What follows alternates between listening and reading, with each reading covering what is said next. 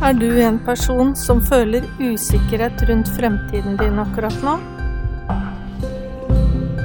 Er du opptatt av å ta de rette valgene?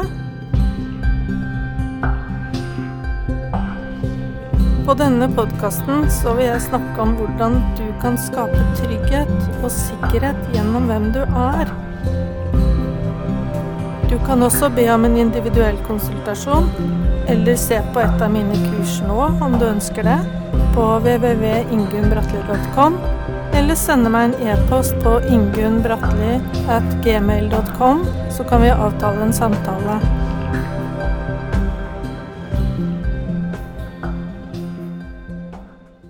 Hvordan er det mulig å skape et inkluderende arbeidsliv og et godt arbeidsmiljø? Det er et tema som jeg er veldig opptatt av, fordi ikke bare har jeg jobbet med inkluderende arbeidsliv i mange år, men jeg har også Og jeg har også vært heldig å få lov å være med på prosjekter om inkluderende arbeidsliv. Innsatsen for å forebygge utenforskap, det er ikke godt nok. Og i Norge så bruker man jo flere hundre milliarder og vi har vel aldri brukt så mange milliarder penger på sosiale budsjetter, dagpenger, uføretrygd, sosialhjelp, sånn som vi gjør i dag. Selv om man snakker mye om koronapandemien som årsak til eh, at utenforskapet øker, så er det ikke det som er årsaken til at det er blitt sånn. For det skyldes den utviklingen som har skjedd de siste 20 årene. Og det er jo fordi at de norske systemene har vært eh, konstruert slik. Og i dag så Ja, også på tross av både satsing på inkluderende arbeidsliv, IA-avtaler og mangfoldige milliarder kroner som man også har brukt på, på det, så, så har det ikke virket. Sånn som situasjonen er i dag, så ligger jo Norge absolutt helt på toppen av alle OECD-landene. Og det selv om vi har kanskje et av verdens aller beste helsevesen, så klarer ikke vi å inkludere folk. Men det forsvinner bare sakte, men sikkert flere og flere ut av arbeidslivet. For å snu denne utviklingen med utenforskap, så har det vært forsøkt veldig mange trender. Og sykefraværsoppfølging, systemet rundt det, har jo vært én trend. Og innenfor det så har det vært forsøkt med bøtelegging og litt mer det vi kaller for tvang det viser seg jo at det ikke virket, og det ble jo, bøtelegging ble jo avskaffet eh, etter evalueringen i 2013. Men i, det har jo også vært, eh, og er nå, en, eh, en, annen type tvang, og det er aktivitetsplikten, som også pålegges syke mennesker. At behandling blir innlagt som en del av aktivitetsplikt bare bidrar til å drive folk, syke mennesker, enda lenger ut av arbeidslivet. Det er vel kanskje på tide å se på noe annet og prøve noe nytt. Siste trend som er i skuddet nå, det er jo det som Arbeiderpartiet vil prøve seg på i valgkampen. Og det er jo å skape en tillitsreform. Og nå vil de altså bytte bytte ut uh, New Public Management, eller mål- og resultatstyringa, som har vært i offentlig sektor, med en tillitsreform. Og de vil uh, invitere ansatte og tillitsvalgte da, til å være med å utforme den uh, reformen, eller den tillitspolitikken, reformen, som sammen med Arbeiderpartiet og jeg vil bare uh, si med en gang jeg får en veldig dårlig magefølelse på det, fordi jeg kan forstå at de ansatte selvfølgelig er oppgitt fordi de ikke får brukt sine sin faglighet og, og føler seg redusert til produksjonsmedarbeidere med New Public Management og den harde målstyringen som har vært i offentlig sektor. Men en tillitsreform er ikke veien å gå. Jeg vil heller si at det er behov for en styringsreform. Hvis jeg skal komme med noen steg som jeg tror er viktig for å skape mer inkluderende arbeidsliv, så må man begynne å se på hva en organisasjon egentlig er. I en organisasjon, særlig hvis man ser på Nav, så er det veldig mange ulike interesser. Det er Jeg tror samtlige tillitsvalgtorganisasjoner er representert.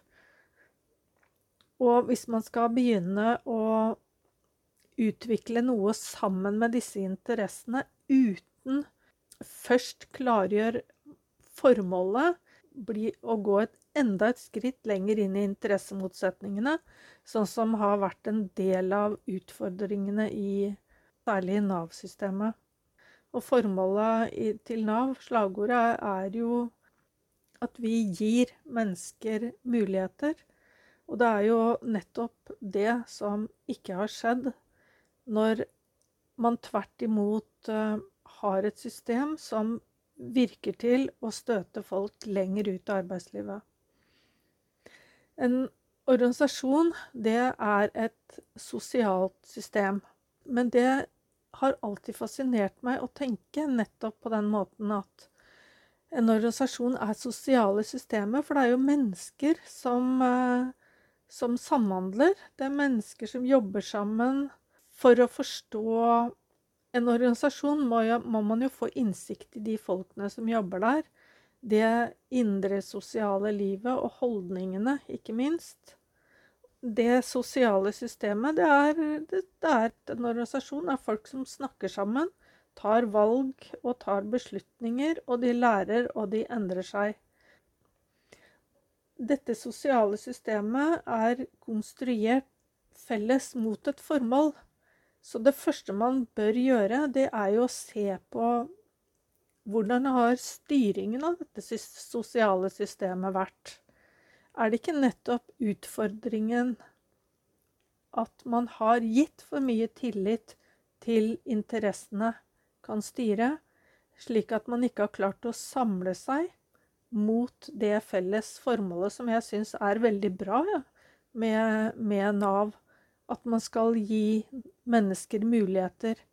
Men da må man samle seg om det på tvers av ulike interesser og ulike tillitsvalgtorganisasjoner. Da er det det som må ligge til grunn, ikke interessene til enhver en uh, interesse. Så har vi jo sett at uh, du går litt mer inn i det, så er det Og det er helt naturlig, for man finner vennene sine på jobben. Man finner også kjæresten sin på jobben. Man finner også mennesker som man ikke liker, og som han konkurrerer mot. Det kan være misunnelse på jobben, og det kan være mange ledere som har ulike interesser, som også går på tvers av det man Ja, som har med seg egne meninger og synspunkter inn. Det kan være at en leder ledere også finner sine venner på på jobben. Og det dannes allianser, og det blir eh, subkulturer. Ja.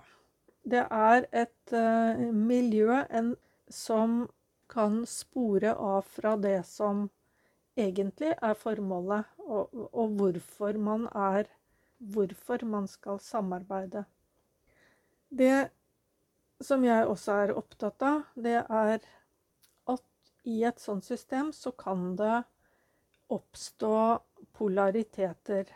Min erfaring med polariteter, det er at det egentlig er noe positivt.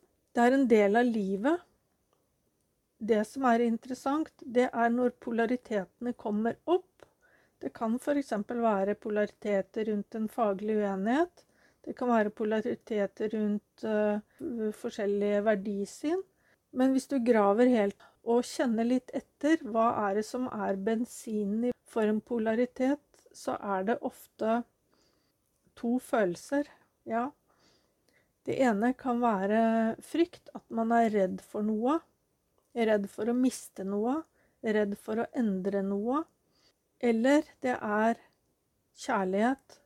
At man ønsker å drive noe videre. At man har kjærlighet for de menneskene man er til for. At man jobber videre mot formålet. Så hvis en graver dypt nok i en polaritet, så er min erfaring at det er to, de to, frykt eller kjærlighet, som ligger i bånn. Kjærlighet, det er en positiv følelse. Du kan kjenne den positive energifrekvensen en har. Frykt, det er jo også noe som en kan ha i seg, fordi våre sanser, eh, våre fem sanser, er jo ment å reagere på det som er farer for oss. Det her vil være til stede på en arbeidsplass, både frykt og kjærlighet. Hvis en leder klarer å kjenne etter, ha den åpenheten, den følelsesmessige åpenheten eller empatien, så vil en etter hvert kjenne at det er slike underliggende følelser som ligger til, til eh, grunn for hvorfor man ja, kanskje forsvarer et fag, eller hvorfor man ønsker å fremme noe. Det kan være mange ting, eh, grunner også til frykt, altså, eh, enn det Det kan jo være at en eh, ja, at en rett og slett er redd for å miste noen venner også. Fordi en blir omorganisert, redd for å miste seg selv og det en har investert inn. En organisasjon har i hvert fall disse motsetningene. Og slike motsetninger med frykt og kjærlighet, det kan stå ganske hardt mot hverandre. Og der ledere tråkker feil, det er at de ofte tror at de kan løse slike grunnleggende polariteter. Mange ledere tror at bare man kvitter seg med folk, eller at man har eh, det spisser seg, en polaritet spisser seg opp i, i en eh, åpen konflikt, så kan man løse det. Og det er en, en stor feil å tenke det, for det, det, vil man aldri klare å løse. For det, det vil alltid ligge i bånn, som jeg sier, for det er naturstridig å, å løse utfordringen med frykt og kjærlighet. Fordi det er alltid vil være der. Men man kan velge. Man kan velge å, kan velge å utvikle et helsefremmende miljø. Men man kan aldri fjerne det ene eller det andre. Så er det mange ledere som ikke forstår og ikke har den empatien til å, å oppdage dette underliggende, fordi de ikke er åpen for det. De har fokusert Og jeg sier ikke at det er noe feil, men de trenger i hvert fall hjelp til å forstå det. Så hva kan man gjøre, da, istedenfor å tro at man kan løse opp i polariteter som kommer opp som konflikter? Det eneste som jeg vil si man kan gjøre, det er å se på det som en mulighet til å løfte ledelse. Det jeg har sett mye av, det er, og det er vel et tegn, et trekk ved den norske kulturen, som mange forskere også har sagt, at man har en form for ganske passiv ledelse. At man unnlater å la det skure ledelse. Det er vel kanskje noe av det verste som man kan gjøre når polariteter kommer opp. Fordi da vil det bli et arbeidsmiljø som bærer preg av polaritetene, og det er enormt slitsomt å være i et sånt miljø. Det er et kjempebelastning, og jeg vil også si at det er helsefarlig å være i et sånt miljø over tid hvis ledere ikke forstår hva som kreves av dem når det oppstår polariteter som trapper seg opp til åpne konflikter.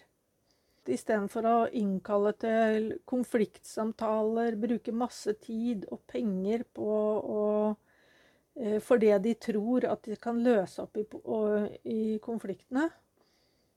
Og kjøper seg advokater. Altså slike ledere En kapitulering. Altså det er jo fravær av ledelse. Det er helseskadelig. Ikke ledere som tror det, at de kan fikse opp i det. De koster stat og kommune vanvittig mye penger. Vi har sett mange eksempler på det, eh, også saker som er belyst i media. Det kan koste millioner, og en bedrift eller en eh, kan gå til grunne ved å låse seg fast i den type utfordringer. Men som jeg sa, det finnes en mulighet, eh, et alternativ, og det er å løfte ledelse. Fordi polariteter er, som jeg sier, det er en mulighet. Og det er et signal til lederen om å styre på et høyere nivå. Styre på et finere nivå. På et eh, verdimessig forankret nivå. I all styring så ligger det noen verdier i bunn. Altså man kan velge å definere Det kommer litt an på hva polariteten er. Velge å definere verdihierarkier. Finne eh, felles verdigrunnlag som går på tvers av polariteten, men på et høyere nivå. Og der tror jeg muligheten ligger til å løse polariteten.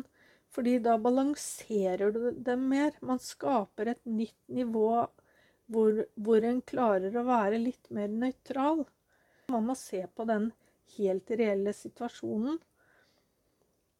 Jeg har sett at mange ledere hopper over det nivået der, det med å se på det reelle. Og kanskje er det fordi at man har ulike bindinger inn i miljøet, som jeg sa i stad. Organisasjoner er sosiale systemer. Man kan være venner. Og ledere kan også selvfølgelig bli lei seg. Man kan kvie seg for å eh, styre vennene sine, styre alliansene sine. Man kan være redd for å såre noen, men uansett så er det den veien man, man må gå. Jeg har vært leder selv i mange år, og jeg har opplevd hvor eh, farlig det kan være å investere for mye energi inn i vennskap, nære vennerelasjoner, i en organisasjon. Finn vennene dine utenfor arbeidsplassen din hvis du er leder. Gå først hjem fra julebordet. Det har vært mine mantra i alle de årene jeg har vært eh, leder, i hvert fall. Som jeg sa, så er det helsefarlig at man blir stående i disse polaritetene. At ledere unnlater å å ta den nødvendige styringen, ta den nødvendige vurderingen i den reelle situasjonen. Jeg er en eh, eh, For å bruke meg sjøl som et eksempel. Jeg har vært ut og inn på veldig mange arbeidsplasser i min arbeidstid fordi jeg har jobbet med dette her. Så kjenner jeg på min kropp Jeg kjenner at det er så Jeg kan bli svimmel. Jeg kan bli kvalm. Og jeg kan få vondt i hodet. Jeg kan begynne å fryse når jeg kommer inn på arbeidsplasser. Fordi det er så energetisk spent i miljøet der. Det er så, det er så tomt for ord. Det er så lukka. Det er høyt sykefravær der. Så det å, å bygge, eh, balansere på tvers av disse polaritetene, det er den veien man kan gå for å oppheve noe av det det spente som ligger der. Det er min erfaring, i hvert fall. I sånne miljø så er eh, sykefraværet høyt, og der er det på 5 av, av uh, sykefraværet på en arbeidsplass er ofte de, det er de samme personene som går igjen, og det er der frafallet skjer. Og det tar ca. fem år å støte ut en person jeg har ikke noe belegg på det, men eh, jeg har sett noe forskning som går i den retningen der òg. Så det er det en må begynne med. Man må gå inn i de sosiale systemene som er organisasjoner. Man må se på realiteten der.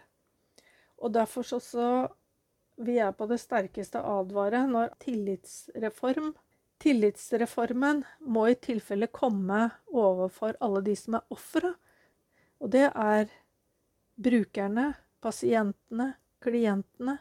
Det er de som speiler resultatet av hvordan sånne sosiale systemer virker. Så jeg kan eh, Jeg har også laget eh, og skrevet oppgave om eh, det jeg kaller for organisasjonens puls.